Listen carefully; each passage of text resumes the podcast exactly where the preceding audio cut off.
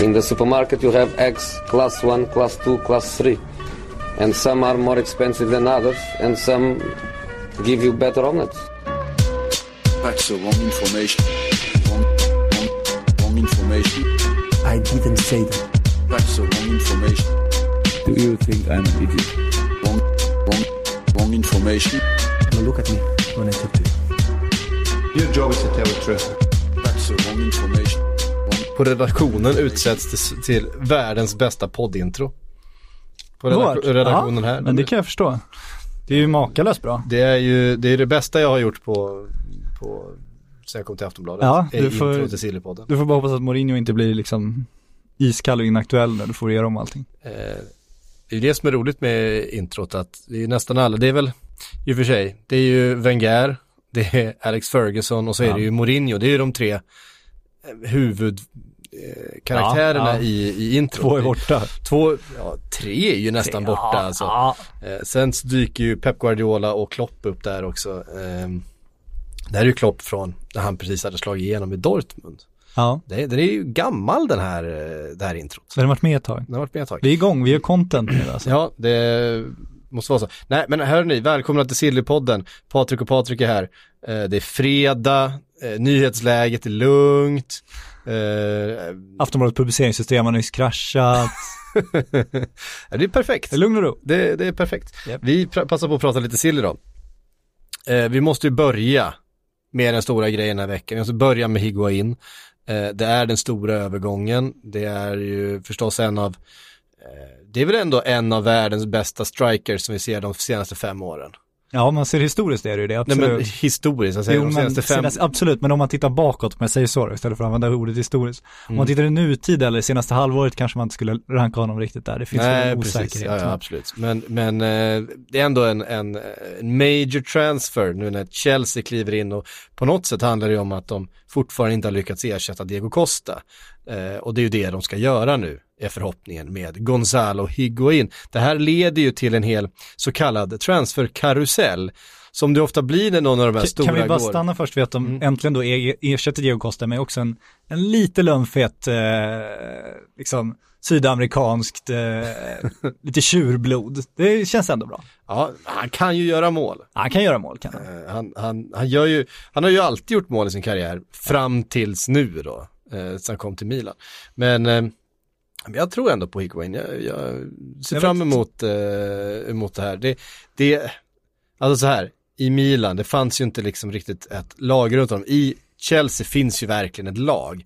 Det finns ju verkligen en idé, det är liksom Sarri som har jobbat med honom tidigare, du har en eh, Ed Hazard som då kommer få spela i för honom en mer naturlig position. Nu har han fått spela som nia för eftersom han inte litar på, alltså Giroud är ju en för långsam spelare för att passa Sarri egentligen. Han är en duktig kombinationsspelare men han är ju Alltså han är ju, han är ju, det är ju snigelfart på honom. Det, och det så har det ju alltid varit och det är ju den spelartypen som man får om man eh, spelar med honom. Och det kan ju vara, absolut vara effektivt i vissa fall för han har ju väldigt många egenskaper.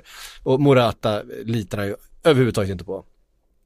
Eh, han kan ju inte göra mål. Nej. Eh, sådär. Så att när man nu får in honom Hazard är en eh, mer naturlig position.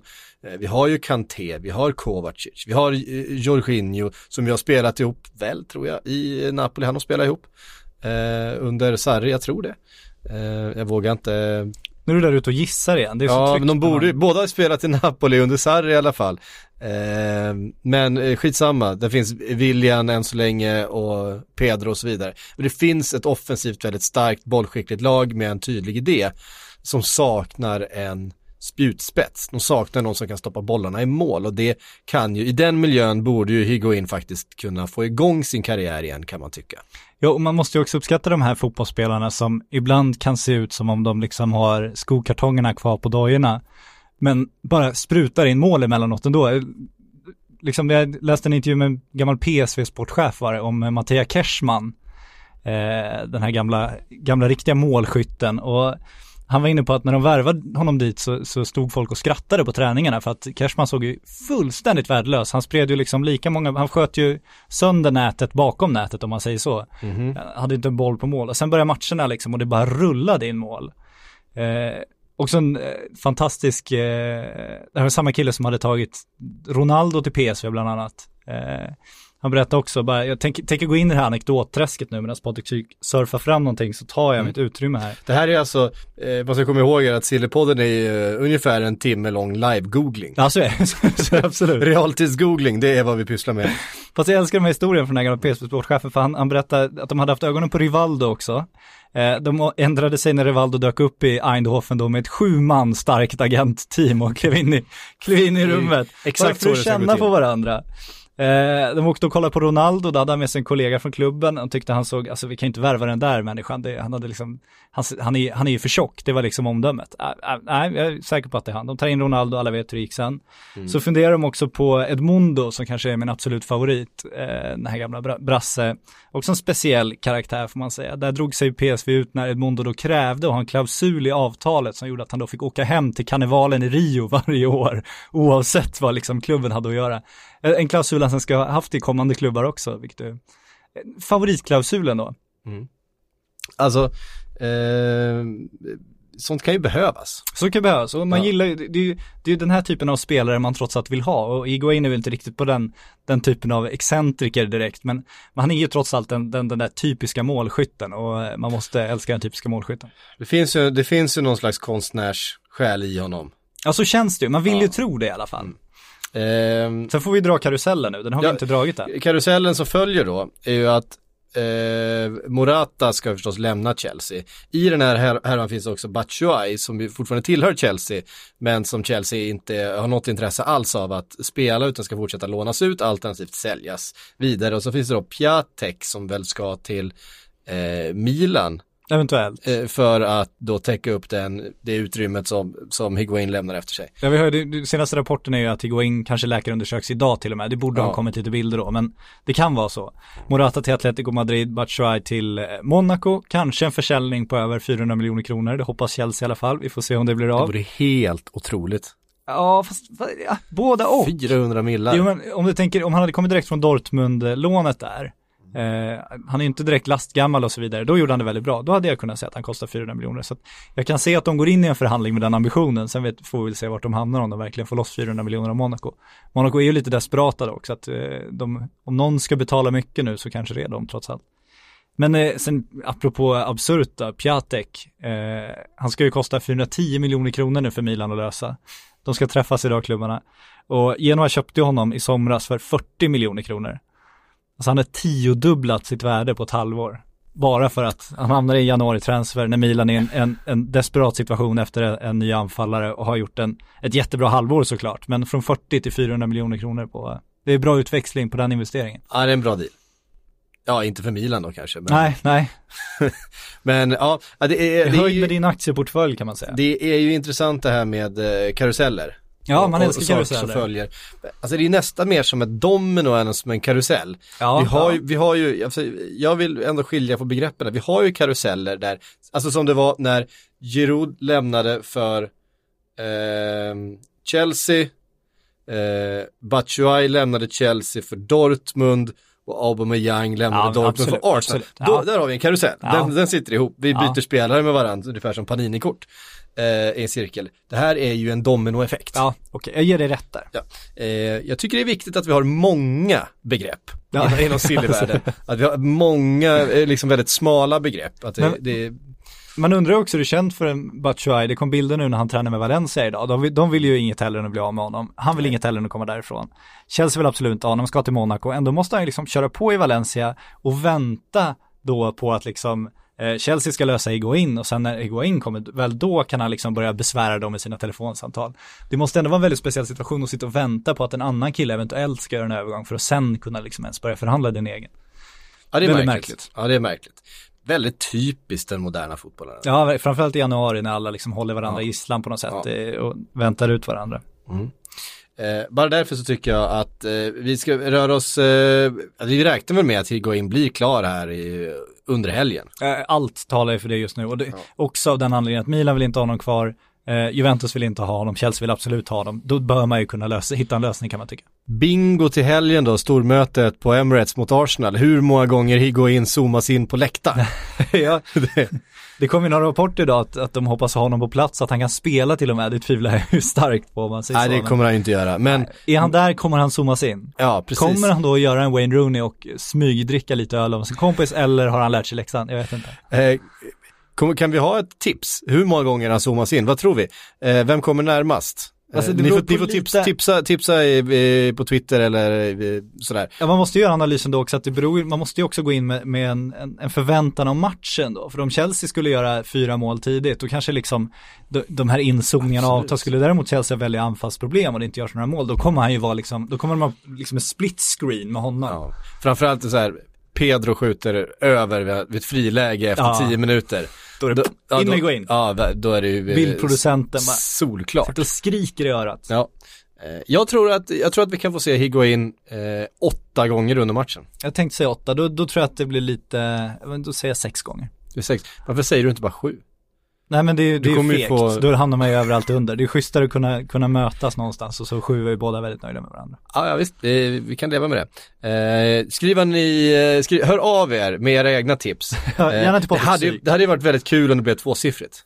Ja det hade varit trevligt. Eh, jag, det, det är ett sånt jävla upplägg för, för många inzoomningar på Higuain. Han kanske inte ens är där, vi kanske har superfel. Ja, så kan det vara. eh, vi vet ju inte. Jag hoppas Men- på nio gånger annars liksom som en hommage till det här liksom tröjnumret nu i Milan som är, som är förföljt och eh, ja. Vi kommer ehm, vi, vi, vi kommer föra statistik. Ja det, det kommer vi göra. Vi kan puffa framåt här. Jag eh, fick precis ett sms. Eh, ni vet, Robert Laul är ute och intervjuar en massa sportchefer, allsvenska sportchefer. Han var och träffade Sonny Karlsson i eh, Igår, va? I, I veckan. Ja, Eh, jag, jag har ju, det vet Häcken-Sonny. Eh, Ja, precis. Som en del av er kan känna till så har jag jobbat för BK Häcken eh, alla, tidigare. alla följer din YouTube-kanal numera Patrik. Alla vet att du jobbat för BK Häcken. Eh, och jag- Släpp det, gå vidare med Nej, ditt nej, liv. jag, jag tipsade eh, jag tipsade Laul om en väldigt bra historia från den tiden. Ah, Eh, ja, jag tror du- jag vet vilken du Jag tror jag har dragit den, Ja. sängen. ja, den är bra den. Den är ruskigt bra den. Dominic Chattos nya säng. Eh, ni får lyssna på podden för jag fick ett sms här nu. Eh, eh, behövde inte ens fråga Sonny om Chattos madrass. Han drog storyn efter fem minuter ändå. Bra poddlyssning. Så vi kan ju verkligen eh, puffa för den. Ja, det får vi det, göra. det är en rolig Vi historia. ber om ursäkt för den här cliffhangern, men den, den är värd faktiskt. Men det är, väl, det är väl så här vi måste jobba. Alltså vi är flera, flera poddar, flera kanaler. Vi kan ju inte sitta och bränna Lauls innehåll här. Nej, absolut Så inte. kan vi inte göra. Nej. Det är ju som att writa plusinlåst material. Så gör man väl inte, eller? Nej, nej, nej, nej. nej. Eh, precis, men eh, Chelsea mot Arsenal, Arsenal som har en januarikris. Du har fört in den här punkten i, i, i jag har körschemat. faktiskt förberett mig här för en Eh, gångs skull. Ja, precis. Eh, Sven Mislintat har lämnat, men det här tycker jag är roligt. Ja, Här har vi alltså en lista på spelare som har lämnat Arsenal under olika former. ja. Vissa, vissa helt gratis, vissa har sålts och så vidare. Ehm, Ska vi dra listan först? jag, vi drar list, jag kan, jag kan läsa hela listan från början till Ja, det slut. ser jag fram emot. Med din eh, liksom lena fina radioröst här. Specialutvecklad inom. BK Häckens marknadsteam. Nu kör vi. Och eh, med perfekt uttal på alla de här namnen Absolut, ser jag fram emot. också. Eh, Johan Juru, eh, De Nilsson, Andrea Chavin, André Santos, Chamak, eh, Sebastian Schilacci, Gervinho, Niklas Bentner, Lukas Fabianski, eh, Bakary Sagna, Lukas Podolski, Urstark poddlyssning det här. Eh, Serge Gnabry, Thomas Rosicki, eh, Abu Dhabi, Kieran Gibbs, Gabriel Paulista, Wojciech Chesney, eh, Coquelin, Olivier Giroud, Santi Cazorla, Jack Wilshere, Lucas Perez, Joel Campbell, Mathieu Debussy och sen den svåra Jeff Rein Adelaide som jag Ja. aldrig sett där. Eh, alla de spelarna tillsammans Ja, har då lämnat och har tillsammans inbringat ett transfervärde av 890 miljoner kronor. ungefär så. Eh, det kan alltså jämföras, jag var tvungen att göra alltså en Ja, jämförelse på, göra. på en, på en eh, otroligt, eh, ja, men någonting som är i andra Ja, änden då. ja. Det var att, liksom att Liverpool fick 300 miljoner för Christian Benteke när de sålde honom. Eh, Ni förstår ju, Arsenal har inte sålt bra. De har inte sålt dyrt. De har gjort sig av med löneposter absolut.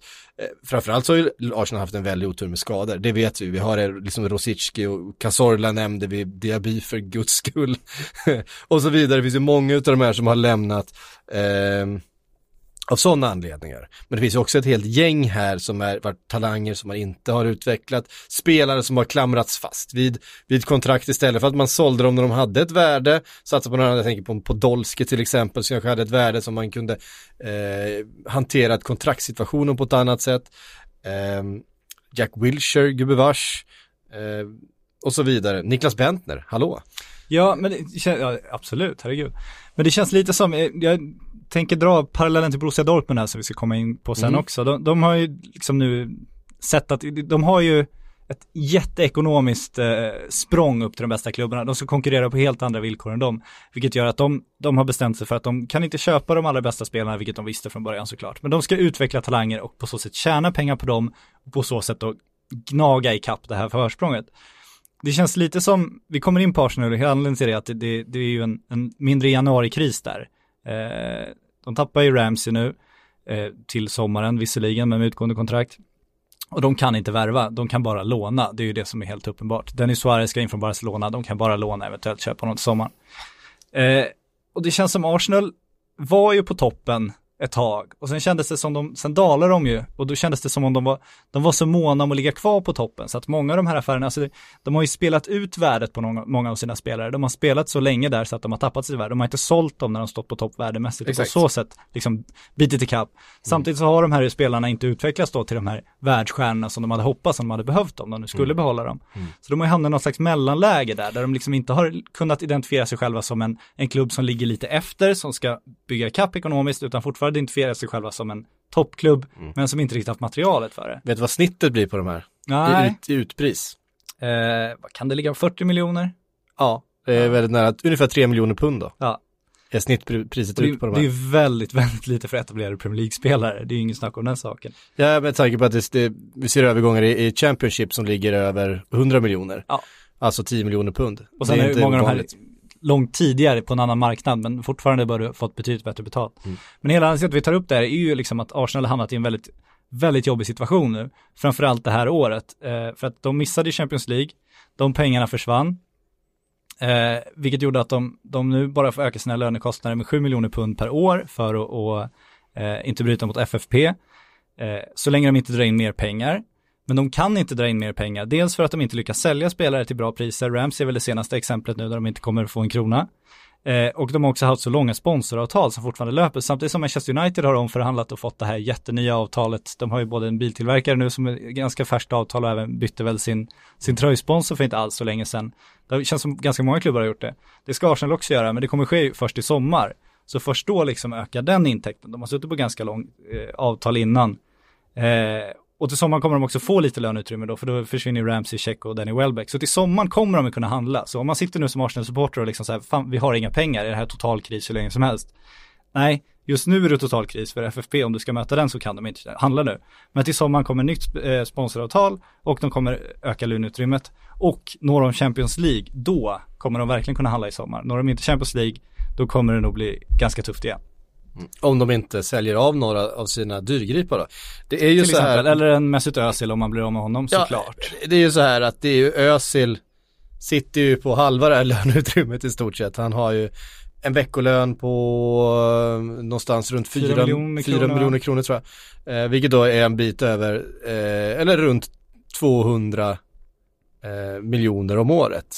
Det är ganska få, eh, det är ganska få lag i världen som kan betala det för eh, Mesut Özil. Ja, Alltså de hade inte kunnat betala det för Messi heller för de har inte de, har inte de pengarna. Men eh, då hade man kanske kunnat liksom ta alla banklån, man, man kunde inteckna villan liksom.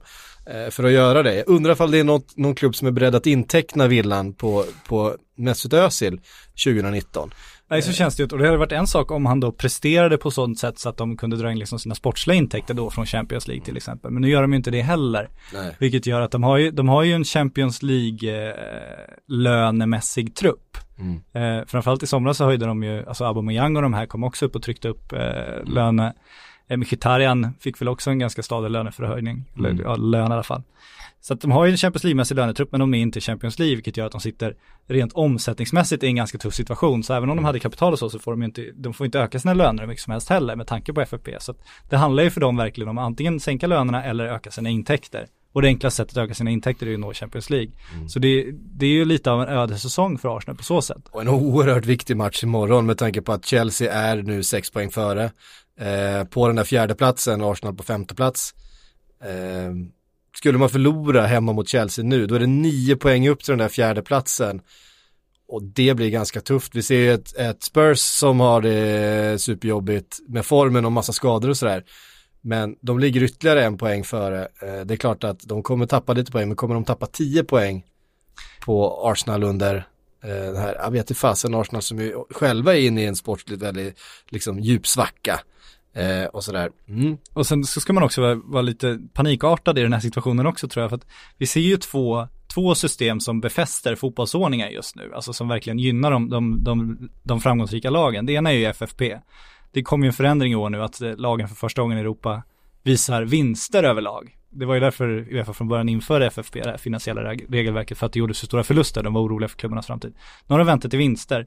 Men det FFP också gjort är ju att de som lyckas, vinner, eh, får mycket intäkter, ökar sin omsättning. De drar ju ifrån de andra, för de andra får ju inte liksom betala sig och alltså investera sig i kapp. Det är ju inte möjligt längre. Nej. Och det andra är ju Champions League som drar in mer och mer och mer och mer pengar. De största klubbarna har satt ytterligare press på Uefa, vilket gör att prispengarna blir ännu större för de som går långt.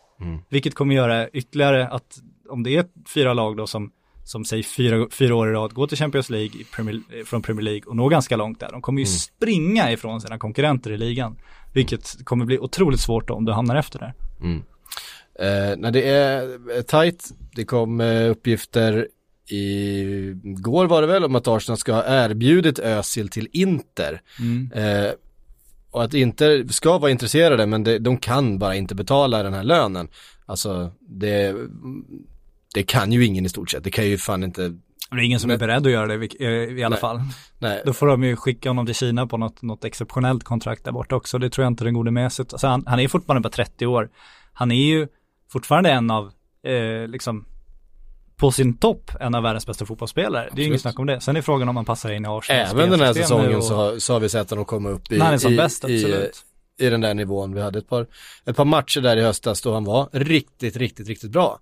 Ja, så han vill ju inte dra till Kina som 30-åring, det är väldigt svårt att se. Eh, så att det, är- det är frågan vem av de, de europeiska klubbarna känns det ju inte som någon vill ta den lönen och ska Arsenal då delbetala den lönen under en utlåning till Serie A, det är ju alternativet i så fall. Men då, då är frågan om det, säg att de blir av med hälften av lönekostnaden, de kommer inte få in någon, någon, någon per automatik någon jättebra spelare i det utrymmet i januari. Kanske trots allt är bättre att ha kvar Özil och ändå hoppas att de når de där topparna igen. Ja, eh, det var Arsenal det, men det finns fler eh, fler parametrar i det här. Vi har ju sett Sven Mislintat lämna under veckan. Eh, Det är sport- den här gamla Dortmund-geni-scouten. Precis, vi pratade en hel om det i Premier League-podden häromdagen om ni vill höra. Kommer din cross-promotion igen. Precis, om ni vill höra. eh, Psyk Kalle- får alltså betalt för antal lyssningar på poddarna, så att det är därför det sker så mycket reklam just nu. Jag har eh, ett öre lyssnare. Jag ser Eh. i realtid hur din altan bara växer för varje cross-promotion deal du, du drar igång här. Ja, jag önskar att det var Det så. blir en ny Weber till sommaren, ringer han hem till frugan snart. Jag önskar att det var så. Altanen det kunde varit lite större. Ja, jag menar det. Kunde varit lite större. Ehm, jag har faktiskt börjat eh, fila på eh, en till altan. Ja, det är klart du har. Ja. Ehm, Det finns två saker som bara växer. Det ena är din altan och det andra är, ja, Cristiano Ronaldos ego kanske. ja, möjligtvis. Expandera likt universum. Nej men vi har också i eh, sponsorkontrakt som fortfarande löper. Eh, och nu sponsorkontrakt med Adidas inleds i sommar. Eh, att det också kan påverka då Arsenals möjligheter till att återinvestera i den här. Eh, Precis, det har jag gått igenom. Men du zonade ut där i mitten och tänkte Nej. på om Webern ska ta till vänster eller höger när man kliver ut genom altandörren. ja. Har du en sån här jacuzzi nedfälld i trädäcket än? Nej, fan heller. Nej, vad bra. Eh, nej, ingen jacuzzi. Det är lite äckligt tycker jag. Ja, jag håller med. Eh, det här då, Rivaldo. Ja, ja, vad blev han? Han blev sportdirektör någonstans va? Hur blev det? Han är klar för, eh, för Shabab Mohamedia Ja, i eh, marockanska trean. ah, ta med sig grabben, tror du det? Kanske? Ja, Jag vet inte. Grabben är väl för bra för att spela marockanska ja ligan. kanske, ingen aning. Eh, men där har vi, hittar vi eh, Rivaldo 2019. Men det är lite skilda värde på när Rivaldo lirar med sin grabb. Eh, de har ju spelat matcher tillsammans. Mm. Och så de här gamla klassiska bilderna på Edur Gudjonsen när han Mm, debuterar i Islands landslag byter av sin farsa. Det är lite olika miljöer där kan man säga. Lite olika profil på de här spelarna också. ja, det får man också säga att det är. Men det är ju kul att han håller på. Ja, man gillar ju Rivaldo. Ja. Herregud. Han var väl någonstans, blev väl ansiktet utåt för den här, när filmningarna verkligen, verkligen slog igenom. Eh, ja, alltså det är ju då när han får eh, bollen på sig. Vem är det som eh, passar? Ja, han, får, ju- han skjuter ju bollen på honom. Det är fult är det. Det är lite fult. Det är lite, o- det är lite osportsligt. Ja. Satt Neymar hemma och tänkte, då gick det upp en, en, en idé där. Ja. Vem, är det, vem, vem är det som gör det? Nej, nu får du googla realtid där igen. Ja, det, det, skit, det skiter lyssnarna i Ja, också. det känns helt Vi har sett bilderna för många gånger. Det får ni höra i en annan podd Syk snart ska göra reklam för. Ja, det kan vara så. Football Radical, den har du inte gjort reklam för än. Nej, Där kan det, det kanske just det det. ta Banco Frenés skulle ju Ja. mycket väl. De, De har ju pratat det. om den här situationen. De har garanterat nämnt Ja, De har garanterat nämnt det. De, det var en diskussion om eh, alternativa fotbollshändelser som skulle kunna bli staty. ja, Eh, Eftersom eh, då eh, Materazzis eh, skalle på Zidane till exempel har ju blivit staty. ja, ja. Eh, men, men Rivaldos eh, filmning där har ju statypotential. ja absolut, herregud. Eh, mm. kolla också in den, den podden, podden. ja. Nu blev det mahogny på trädäcket här. eh, Banco Frendén, fotboll eh, radikal. Den är bra. Är Eh, det Radikal alltså. men det måste det väl vara när Ja, de jag två pratar med varandra. Det, det är bara franska. Ja. Jag, jag skulle tro att, jag skulle tro att Ligue Ö Mm. eh, dyker upp minst en gång i varje avsnitt. Det är liksom, de har ju samma förhållande till den som vi har till engelsk fotboll här. Vi är ju lite anglif anglifierade här, det, det kan vi inte riktigt eh, sticka under stol med. Därför så eh, använder vi det då som en segway in till nästa punkt som är Englands scouting. Ja, eh, som då är Borussia Dortmund som vi flaggade lite för att vi skulle komma in på. Det, det är en del av deras strategi. Jag tyckte det var otroligt intressant för att vi har fått reda på ett antal saker eh, om Borussia Dortmund nu. De ligger på träningsläger vilket har gjort att deras, även deras sportchefer och sådär har gett lite intervjuer vilket ju är väldigt intressant. Mikael Sork är den som varit ute och pratat. Och de har ju, Ja, jag tycker fortfarande det är kul att den heter Sork. Ja, okej. Ja, eh, de har i alla fall gjort två, eh, eller en framförallt stor strategiändring som, som fick väldigt, väldigt mycket eh, uppmärksamhet eh, i veckan. Och det var ju den här att om du nu ska vägra sälja spelare till Bayern München. Det är ju eh, Mario Götze, Mats Hummels, Robert Lewandowski, några av de exemplen som har gått på senare år. Men nu har de sett då att nu ligger de före Bayern München i ligan. Eh, Bayern München är mitt i en generationsväxling. Och nu är då ambitionen att aldrig mer släppa en spelare till Bayern München utan istället då satsa på att gå för ligatiteln och förhoppningsvis då eh, kunna bli den dominerande kraften i, i Tyskland. Vilket trots allt får ses som en, som en stor förändring. Jag, jag skrev om det på Twitter och fick svar då bland annat att det kommer inte spela någon roll för att det här Mario Götze var en klausul och, och Lewandowskis kontrakt gick ut. Men, men det går ju att skriva klausuler i avtalen som gör att du inte får gå till Bayern. Det, det var ju ett sånt de gjorde nu med Christian Pulisic. Det var ingen skriven klausul, jag har förstått det hela rätt. Men de, de sa till honom då att eh, du vill gå i sommar, vi kommer gå med på att sälja dig i sommar så länge det inte är till Bayern München. Du får hitta vilken klubb som helst utan dem, dit, dit får du inte gå.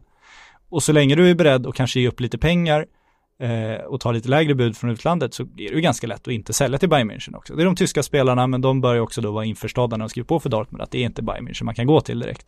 Så det tycker jag är väldigt, väldigt intressant. Sen var Sork också inne på en, ett skifte som kanske kommer irritera Englandsklubbarna lite och det är att tidigare så åkte ju de tyska scouterna runt till, liksom, till de mindre nationerna i Europa och letade spelare. Det gällde ju att hitta de här fynden som, som de andra storklubbarna inte hade hittat än, framförallt då Dortmund. Bayern München kunde ju värva stjärnor och kan värva stjärnor.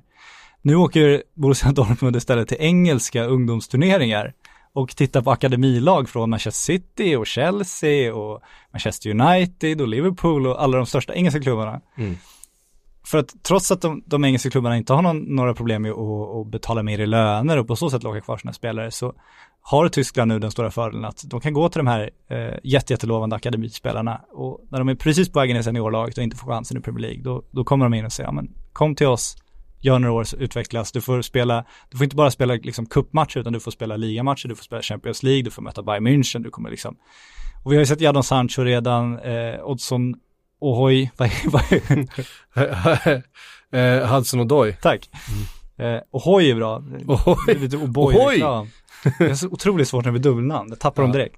Eh, är också på gång. Eh, och jag tycker det var kul att det här liksom är strategi nu, att de verkligen åker medvetet och scoutar England och anledningen är att de engelska klubbarna har investerat så mycket i sina akademier så att de känner att de har gått om Bundesliga-klubbarnas akademier. Så England utbildar bättre spelare, men de får inte in bättre spelare i sina A-lag utan det har bara blivit att de blir en marknad för andra klubbar nu och kommer att stjäla deras spelare när de, när de väl liksom har, har satsat all den här utvecklingspengarna i dem. Det var, det var ju det som eh, det spanska förbundet och då eh, La Liga och de spanska storklubbarna gjorde så otroligt bra.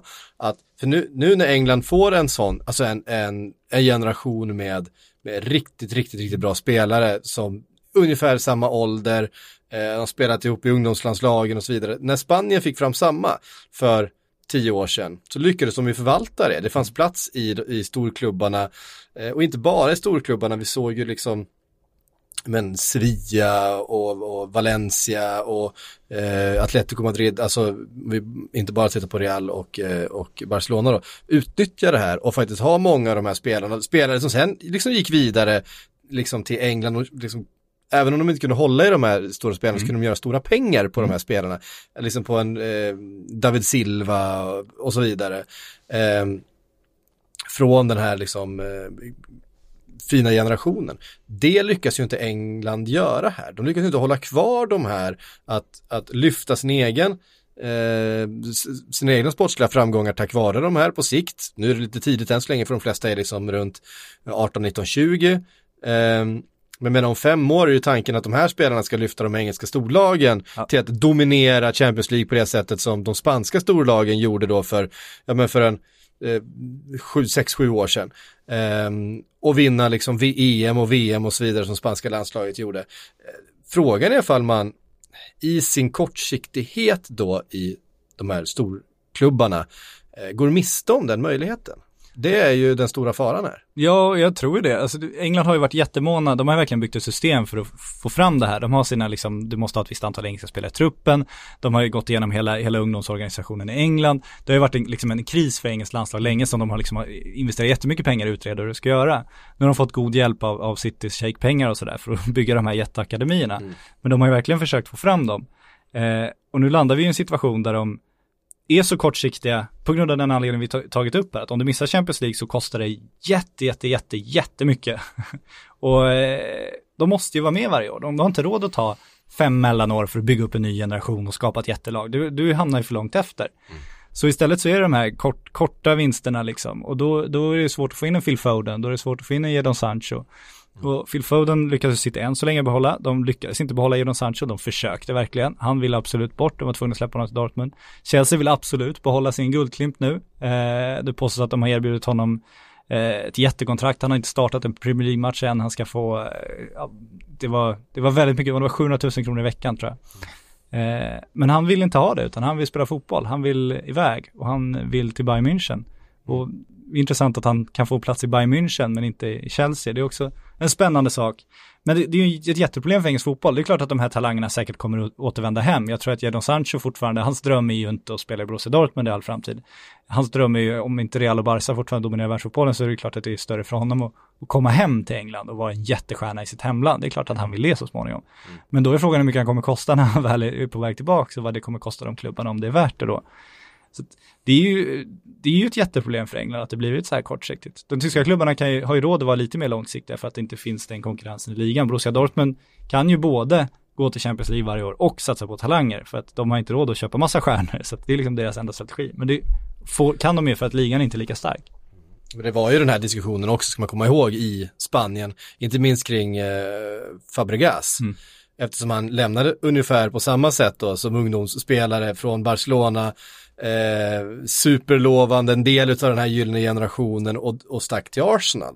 Eh, för att han av samma anledning hade en lättare väg där. Eh, Thiago Bayern München, lite samma grej också. Ja, det kan, kan man absolut säga.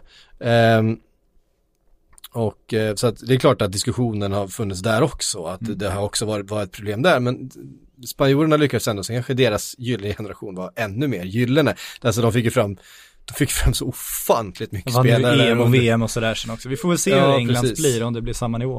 Eh, Det är inte varje liksom, det är inte varje generation som har både en Xavi och en Iniesta liksom, som spelar bredvid varandra i all evighet och tycker att det är det bästa som finns och, och eh, gör det bättre än någon annan typ någonsin.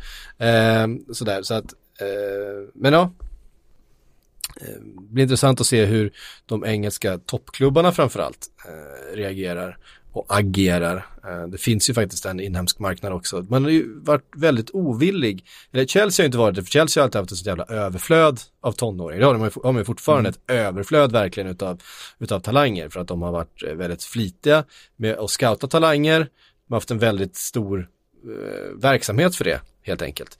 Eh, De har också varit flitiga med att låna ut till andra Premier League-klubbar, men många har ju inte varit det. Man vill hellre låna ut till Championship för att konkurrensen är väldigt stor i Premier League och man litar inte riktigt på att de ska få den spelstil, eller speltiden och då sjunker värdet.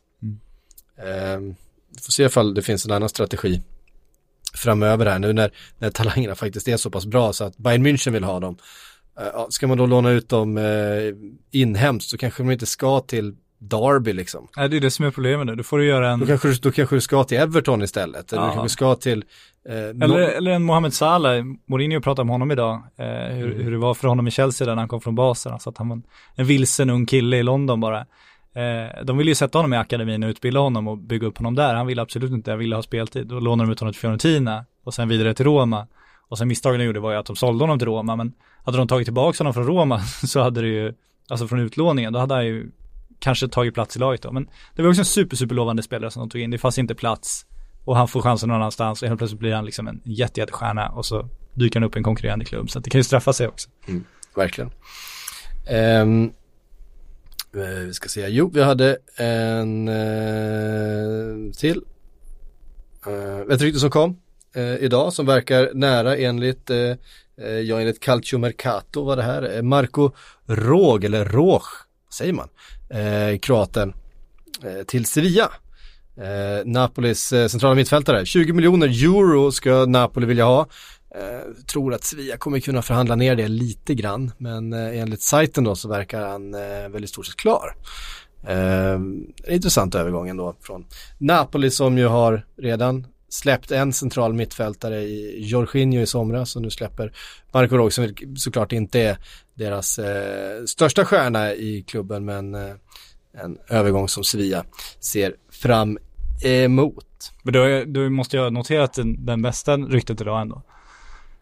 Vilket tänker du på? Nej, jag tänker ju på att eh, Leandro Paredes, den här Zenits eh, mittfältare, som Chelsea har velat ersätta Cesc Fabregas med då, Mm. att de skulle ha in Paredes nu. Nu var det Di Marzio som påstod idag att eh, vilka rider in då när Chelsea tänker att nu ska vi agera här. Då kliver PSG in och lägger första budet.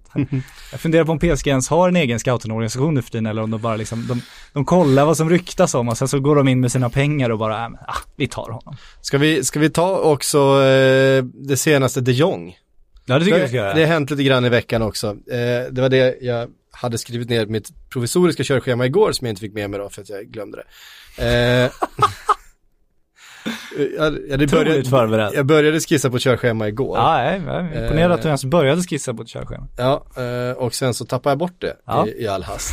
Eh, jag skrev det i sina anteckningar i telefonen och sen Ja. så lyckades jag radera det av någon anledning. Du har en mapp där för senast raderade. Har jag det? Ja. Vänta då. ja, nej, men skitsamma. Eh, det, det handlar förstås om Ajax talang, vi har pratat om honom förut, de Jong. Eh, som vi trodde då skulle vara på väg till eh, Barcelona. Barcelona trodde nog att han var på väg till Barcelona Ja. Även ja. att PSG hela tiden var där och, och liksom eh, ehm, PSG-ryktet dog liksom aldrig ut, även om Barcelona kändes väldigt, han gick själv ut och sa att jag lämnar inte i januari. Eh, P, eller eh, Barcelona själva eh, sa, nej men vi kan väl plocka in Rabiot, det pratas om någon slags liten hämndaffär för hela Neymar-grejen. Eh, samtidigt som Barcelona är ju ute efter en nummer nio, de är ute efter en striker, de lägger sin, eh, både sin budget och sina, sina ambitioner där. Det de istället har gjort är att de har öppnat upp både en plats och ett löneutrymme för de Jong till PSG istället och har släppt honom lite grann, har inte varit så aktiva där så att kan nu istället hamna med Rabiot samtidigt som PSG tar de Jong och där sitter PSG och eh, skrattar hela vägen, kanske inte till banken men till eh, ja, någonting, till ett bättre lag. Ja, det är fascinerande det här för att det är ju just som du säger att du påstår att Barcelona fokuserar på sin nummer nio och senaste ryktet där nu är att de ska ta in gamla Arsenal-talangen Carlos Vela som, som backup. Så de adderar då att de, de, de hade de Jong, de förlorade de Jong, de, de får Rabiot och Carlos Vela, det hade man ändå tyckt var lite festligt. Ja, för att alltså, Rabiot i all ära, de Jong är ju det stora, den stora europeiska talangen på den här positionen. Så är det ju. På centralt mittfält, eh, lite sittande, med, med alla de där fina egenskaperna. Sen kom, kom det också intressanta uppgifter som jag, jag inte ger mycket för, men, men man ser ju på Frenkie de Jong att de har en speciell gemenskap i Ajax just nu, eftersom det han säger är att han ska stanna till sommaren för att han, och han vet inte hur sina, hans lagkamrater agerar, men han känner verkligen att det här är ett speciellt lag, att det, man ska inte svika dem mitt i säsongen. Mm. Och då har det kommit uppgifter då att han, han har gjort en deal med Mattis de Ligt, den här jätte- jättelovande mittbacken som också spelar för Ajax, att de ska gå till samma klubb. Och då, eh, Barcelona är inte intresserade av en mittback, men, men PSG skulle kunna tänka sig att ta båda. Eh, anledningen till att man inte ger så mycket för det här är väl att den megadealen skulle ju kosta, kosta väldigt, väldigt mycket. Så att, eh, ja, det är väl PSG i så fall, men ja, eh, intressant. Ja, vi, eh, eh, när vi ändå är i Holland och snurrar då, lite grann, så måste vi nämna Ryan Babel. Eh, som är klar för Fulham sedan eh, igår va? Han klar för, för Fulham? Eh, har ju haft en, en, eh, en udda karriär. Det får man säga. från The Bubble Copter från eh, Liverpool, vart han nu eh, flyttade någonstans. Eh, har ju huserat i Turkiet eh, senaste tiden. Och eh, haft en väldigt, väldigt framgång i det holländska landslaget där han varit väldigt framträdande. Eh, har väl varit eh, framträdande i Turkiet också förstås. Han är Hollands Ola Toivonen, eller vad är det du säger här? Ja men lite grann. Eh, han är ju alltså 32 år gammal nu Ja. och har fått liksom någon slags andra skjuts. Visst, det, det, är en, det är en övergång till Fulham, det är inte hela världen kanske, det är väl inte, men det är ju ändå tillbaks till Premier League för eh, den gamla Ryan och eh, får se om han anländer i en helikopter då, så att han, Ja. han, han kommer lika, Måste li, de på, sa- på, samma, på samma sätt som han lämnade. Ja, måste de lösa. Det, det, det förväntar jag mig nästan. Ja. Nej, han har ju för sig redan kommit, så det har, de, det har han ju uppenbarligen inte gjort. Jag ser ju bilderna här, det finns ingen helikopter med. Ehm, men ehm, det som också är intressant i det här är ju att Fulham, som ju har värvat väldigt offensivt, de tog in Mitrovic, de tog in, ehm, eh, vad heter han, eh, Kyrle, eh, som gjorde så fint mål i helgen. Och det de inte har kunnat göra är att försvara. De har släppt in mål i varenda match. Det går inte, de kan, de har inga backar. Så vad gör de? Vi behöver en mittback, vi behöver en mittback, vi behöver en mittback. Ja men vi tar Ryan Babel. Ryan Babel. 32 år, det blir bra. Han kanske ska ytterback. Ja men killen som aldrig har tacklats i hela sin liksom långa karriär. Som sagt, Ehm. Hollands Ola Toivonen.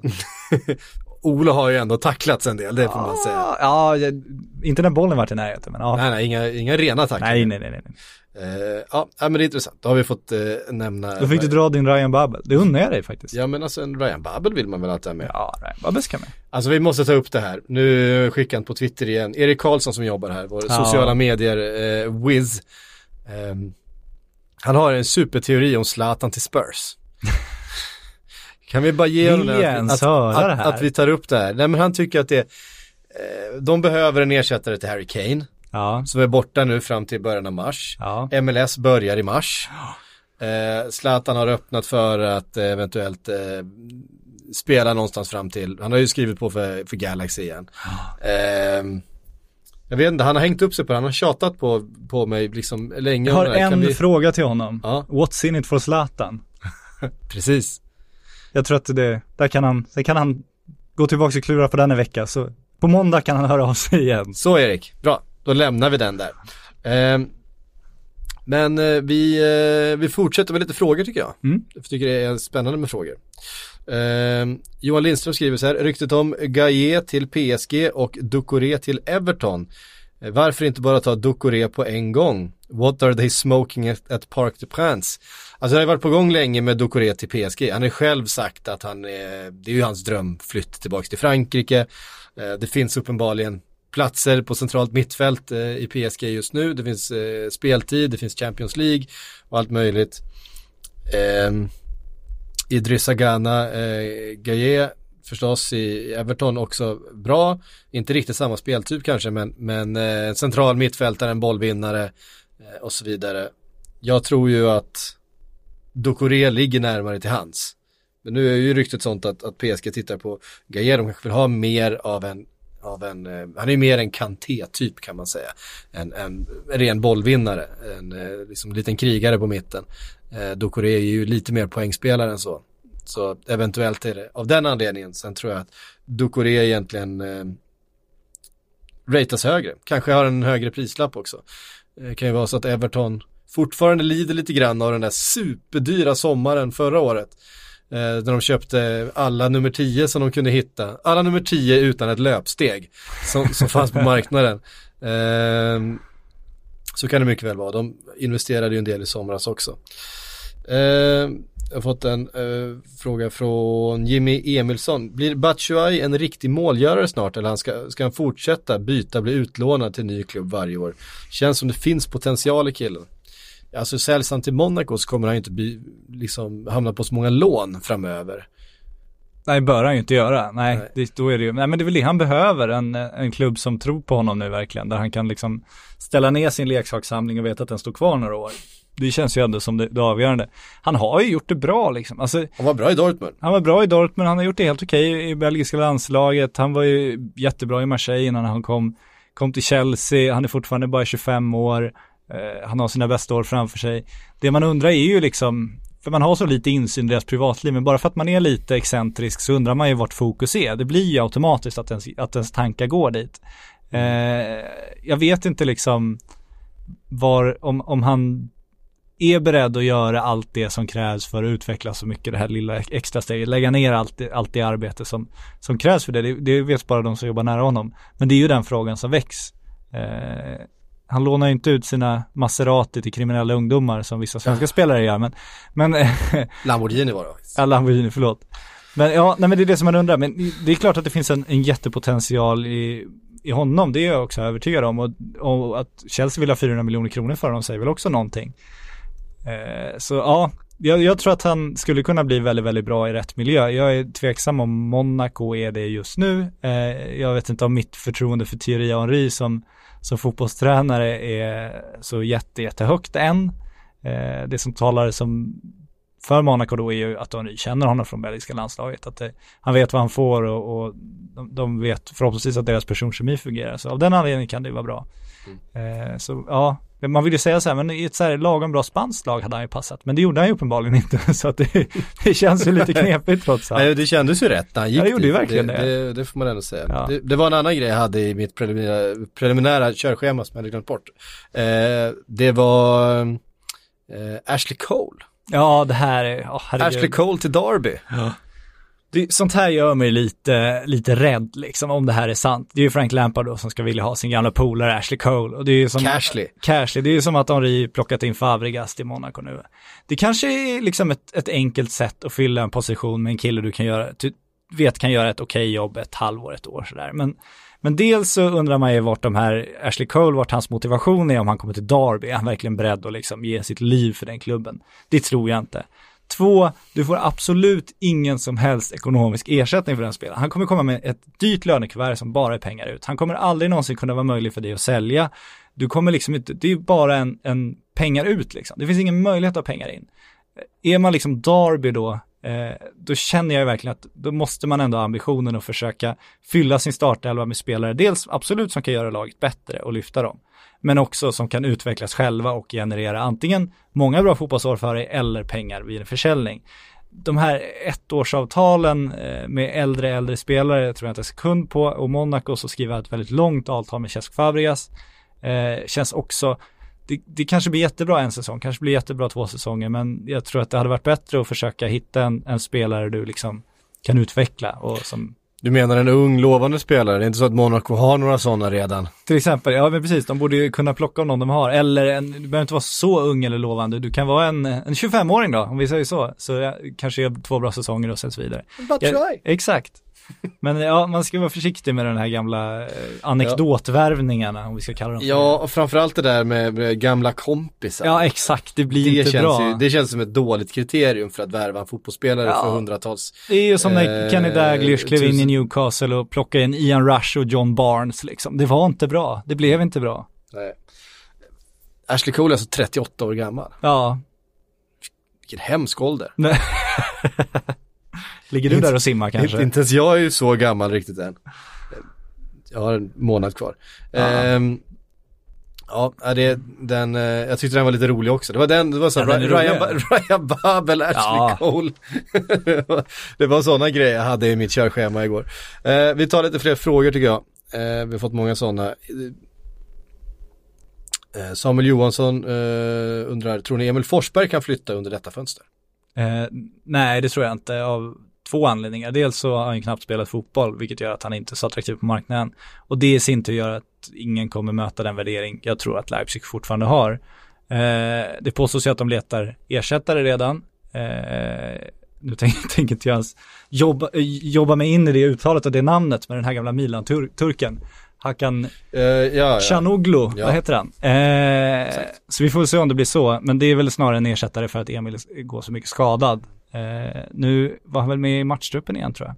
Så att det lär väl närma sig, men jag tror att om han hade gjort en jättebra höst så hade någon kanske kunnat möta Leipzigs värdering. Jag tror nu att de känner att de har mer att tjäna på att få igång honom igen än att sälja honom nu. Eh, T. Jernberg skriver AIK, AIK, AIK. Har vi något på AIK? Ja, du- det är ju Rakip just nu. Eh, Haksabanovic var de intresserade av. Mm. Eh, de, de drog sig ur där Eh, för att de helt enkelt inte var nöjda med premisserna West Ham gav, eh, vilket man ju kan förstå för att de var inte intresserade av att sälja Haksabanovic som ingen betalade över mer än 30 miljoner kronor, vilket AIK såklart inte var beredda att göra.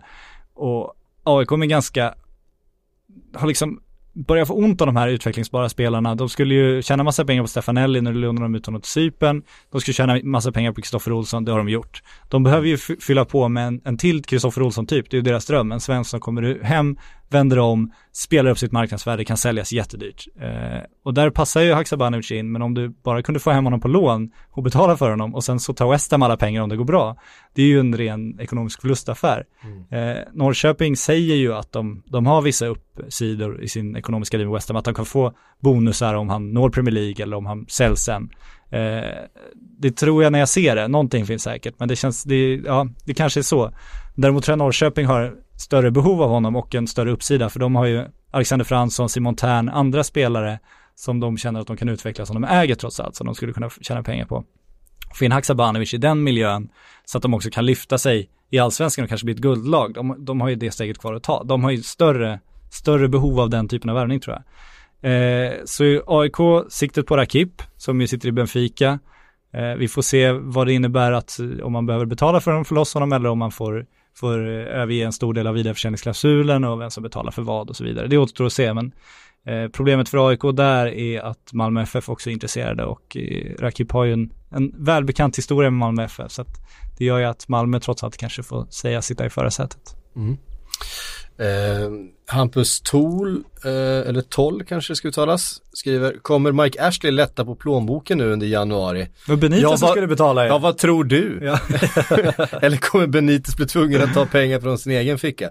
Alltså det där uttalandet, vi, ja. vi var inne på det i Premier League-podden också, det är så jävla korkat. Men eh, engelska tv-experter eller äldre engelska managers ska prata sådana saker eller ska prata Brexit eller någonting. Det, det, det som stör mig mest är inte att de gör det, det som stör mig mest är att alla lyssnar och liksom tar deras åsikt på allvar. Va? Fan, det är ju bara, haha det var roligt, det där var dumt sagt och så går vi vidare i våra liv. Men istället ska folk ut och svara som om det inte är uppenbart att någon har sagt något dumt. Titta vad dumt, titta vad han sa, det här stämmer ju inte alls. Nej vi vet, fan lugna ner dig. De får ju så eh, omotiverat mycket utrymme för sina eh, idiotiska uttalanden. Det är kul också. Det är kul, Jo, det är roligt. Det är kul att hänga på och, och skälla lite på dem. Eh, Rio Ferdinand eh, till exempel då, och eh, Du är den här första som kastar, ja där går mobben, hoppa in i gänget. ja, ja, ja, ja, verkligen. Det kan jag se faktiskt. Eh, ja, inga konst, det är inget konstigt med det. Eh, nej men det känns ju aldrig som man, som man slår neråt när det är en gammal, eh, gammal storspelare eller en eh, kommentator. Det är Nej, så är det. Framförallt inte när Rio har en personlig affärsdeal med Mike Ashley om att sälja hans kläder i hans varuhus. Mm. Ja, det var fascinerande det. Allt tyder väl på att Benitez är där trots Mike Ashley, inte Så tack vare. Definitivt, vilket ju är det största undret i Newcastle Uniteds historia kanske. Mm. Men man undrar hur han tänker att han ska få upp marknadsvärdet på sin klubb när han inte investerar i den. Bara det, det den matematiken får någon annan lägga. Det är spännande. Ja. Eh, Filip Schützer skriver, vem ska långsiktigt kunna ersätta Ribéry och Robben i Bayern? Koman är för skadebenägen och kan inte ersätta båda. Ja, men det är väl, tanken är väl att eh, Hodgson och då i alla fall ska få en chans att få Mm. göra det.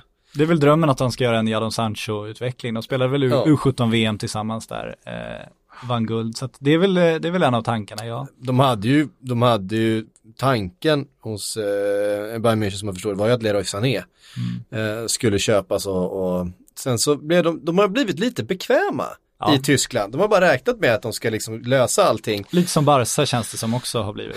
Ja, precis. Men det där blir nog bra. Liksom. löser Så här, de. vill hit. Vi är så stora. Ja, exakt. Eh, Medan Sané bara drog som en avlöning till så fort Manchester City dinglade med, med ja, en avlöning. Ja. Eh, för det är ju trots allt så att Bayern München ekonomiskt kanske inte kan mäta sig med de största eh, klubbarna just nu. Alltså jag tänker, mig, jag tänker på liksom Manchester City, Manchester United, eh, förstås Real Madrid, eh, men kanske till viss del Juventus också. Eh, även om de lite kanske är samma sak. Det, det finns ändå någonting där med, eh, med Bayern München som man har börjat, eh, för de kommer inte få några jättepengar för Arjen Robben eller Ribéry för att de kommer ju lägga av. Ja, så är det. Det öppnas ju löneutrymme gör det och det Ja, kommer det vara gör det väldigt absolut. stort. Så att Ja. där har de möjligheter. Sen dels så tror jag inte, som du säger, att de kanske, det finns väl en aspekt om de kanske inte kan. Jag har inte deras senaste omsättningssiffror här framför mig. Men, de det finns också en vill. aspekt att de inte vill. De kommer ju inte lägga, de kommer inte lägga en och en halv miljard Nej. på en stjärnspelare liksom. För att de vill bedriva det här fortfarande som en föreningsverksamhet. Eh, på, så, så långt det går. De har en klubb som handlar om att gamla, gamla spelare ska ta över i styrande positioner. Det ska liksom drivas framåt, inte som ett, som ett liksom internationellt företag utan som liksom en tysk klassisk fotbollsklubb. Eh, och rädslan som man kan känna då är att det, det är en väldigt cynisk fotbollsvärld just nu. Kan man, vara, kan man ha de, de tankarna? Sen, sen har ju de tummat på sina principer, det ska gudarna veta med dina sponsoravtal och annat. Men det finns ändå någon slags grundtanke där och det kanske kommer straffa sig, jag vet inte. Man hoppas att sånt ska belöna sig, men jag är inte säker på det. Och sen kommer ihåg att det är inte bara, det är inte bara Ribéry och eh, Robben som ska ersättas. De har ju ett väldigt åldrande, eller åldrande, men det är ju en, en backlinje som också ska eh, generationsväxlas. Så, Eh, ja, det är en målvakt som så småningom, alltså det finns ju, eh, finns ju, det är ju en generationsväxling de ska in i, det är ju inget, ingen snack om den saken, de är ju till och med igen. Men då är frågan om man ska hoppa från, eh, ja, 38 år Arjen Robben, jag vet inte om han är det, men till 18 år, eh, eller om man ska hitta någon, någon, någon spelare däremellan. Eh, det beror på lite hur man tänker sig att man ska, ska föra den klubben framåt. Eh, nej, det känns ju uppenbarligen så att, att de, de är i visst behov av att göra några riktigt bra talangaffärer här. För med någon med utgående, alltså en, en Hudson och affär som inte kostar dem någon miljard utan de kan få en spelare eh, av den kvaliteten för att man är Bayern München. Ja, och det är väl den ambitionen man ska ha när man har Bayern München också. Eh, När man är det, man ska inte behöva göra som PSG och bara pumpa in pengar för att bygga upp sitt varumärke. Du har ju redan varumärket och borde ju kunna locka spelare av den anledningen. Eh, James Rodriguez ska vi också se hur det blir med. De har sagt nu att de ska ge honom vårsäsongen. Han har ju inte varit bra i höst, han var väldigt bra förra säsongen. De ska ge honom våren också efter det. Eh, ta, ta ett beslut kring hur de gör. Det, det de har avfärdat är den här cyniska affären de skulle kunna göra där de använder sin utköpsklausul från Real och sen säljer honom vidare dyrare direkt. Det, det har de avfärdat av dem. Utan de, de håller på sina principer. Sport- Sportchefen där eh, har ju sagt att om, om Bayern München köper en spelare så spelar han i Bayern München. Ehm, Jesper undrar, hur har Sessignons eh, marknadsvärde ändrats den här säsongen? Vad tror ni händer med honom om Fulham åker ut? Jag tror helt ärligt inte att hans marknadsvärde har förändrats speciellt mycket. Han är fortfarande född på 2000-talet. Alltså, eh, han fyller 19 i maj eller vad det är. Eh, det är liksom, det är en 18-åring vi pratar om. Han har ändå gjort en säsong i Premier League redan, till skillnad från en Phil Foden som ju har ett extremt högt marknadsvärde. Eh, det är klart att han har inte varit, han var ju, man ska komma ihåg med Ryan Sessignon att han var ju dominant i Championship förra säsongen. Men det är en jävla skillnad att kliva upp i Premier League som 18-åring och fortsätta vara dominant. Det är klart att eh, dessutom att form på en spelare i den åldern svajar lite grann när han lär sig nya saker, när han ställs för, eh, med nya utmaningar. Han spelade i ett lag som var ett av ligans bästa tidigare, nu är han är ett, ett av ligans sämsta lag. Eh, han eh, har spelat på lite olika positioner och har ändå gjort det väldigt bra i, i vissa matcher. i alla fall i vissa moment. Så att jag tror att åker Fulham ut så har de fortfarande rejält med pengar de kan göra i Ryan Sessegnon. Eh, det finns massor med, med klubbar som är intresserade av den namnteckningen. Alltså så bra som han ändå har visat att han är och att han, han är fan fortfarande, han har inte ens fyllt 19 liksom. Så är det. Sen är frågan då vad han ska göra, om han ska kliva ner med fulla med Championship och göra en säsong där han var dominant i den ligan. Det känns ju som han är lite för bra för den. Ja. Han bör ju vara kvar i Premier League. Men om, om Fulham ska mjölka ur max, då ska de ju gå till liksom Manchester City, Chelsea, Manchester United, de allra bästa klubbarna. Är han tillräckligt bra för att gå till en sån klubb redan? Eh, hade det varit bättre att ha ett mellansteg till en mittenklubb i Premier League, men går Fulham med på att ta lite mindre pengar för det och eh, låser Ryan Sessegnon upp sig för mycket då så att han har svårt att komma vidare. Alltså han har ju ett väldigt intressant karriärsteg att ta. Eller ska han, eh, ska han pysa till Schalke liksom? Till exempel. Det är ju, det är ju, det, är ju verkligen den frågan. Bayern München tror jag inte riktigt, eh, det, det tror jag inte, det tror jag det blir för stort steg, Ja. alltså den där, men jag tror alltså en, en övre halvan bra klubb Mm. i, eh, i eh, Tyskland skulle kanske, men alltså vem vet, han har ju, han skulle ju när som helst kunna också bara ta klivet. Ja. När, när, Explodera. när han blir på samma sätt i ett bättre sällskap eh, som han var i, i Championship. För jag menar, han började ösa in, han var ju, det var ju faktiskt inte ens förra säsongen, det var förr, förra säsongen till och med han började liksom bara trycka in mål. Eh, han var 16 år gammal. Och, och man undrade vad fan det var som hände liksom. Och var fan kom han ifrån? Från sin vänsterbacksposition liksom började bomba fram och stod för assist och mål liksom. Så att han har ju varit med länge, han har gjort en jävla massa A-lags eh, vi sitta här när han är 28 sen som vi gjorde med Wayne Rooney och säga, ah, han, han debuterar för tidigt. Han är slut. Ja, det, den risken finns ju såklart. Men eh, jag tror att han kommer vara glödhet i sommar, oav, precis oavsett hur Ja, det går för, för Fulham. Absolut. Ehm, sen var det, tror jag ändå, även att han haft en lite tyngre säsong och att han liksom har sett lite grann ut som en junior i vissa matcher såklart. Eh, så tror jag att den här, det här året har utvecklat honom enormt mycket. Eh, Säg och- som Sad Haksabanovic sa när han kom hem efter att knappt spela fotboll på två år. Så här, vad har du utvecklat då? Nej, mentalt. jo, jo tack. mitt FIFA, mina FIFA-tummar. Exakt. Ehm, Nu måste jag gå hem snart. ja, du måste gå hem snart, du ska Ja. hämta på dagis, nej. Nästan. Vi Nästan. Ja, eh, vi ska knyta ihop den här säcken. Eh, vi får... Ah, vi stannar där. Eh, Ja. ja, vi hade Vi redan, vi avslutar på topp känner vi, jag. vi hade redan pratat om den frågan jag hade tänkt ställa, eh, insåg jag nu. Eh, tack för att ni har lyssnat. Eh, ha en skön helg hörde ni, så hörs vi nästa vecka igen. Ehm, ja, så är det. Så är det. I think I worked for 16 years here in England, I just had a bit more credit than one.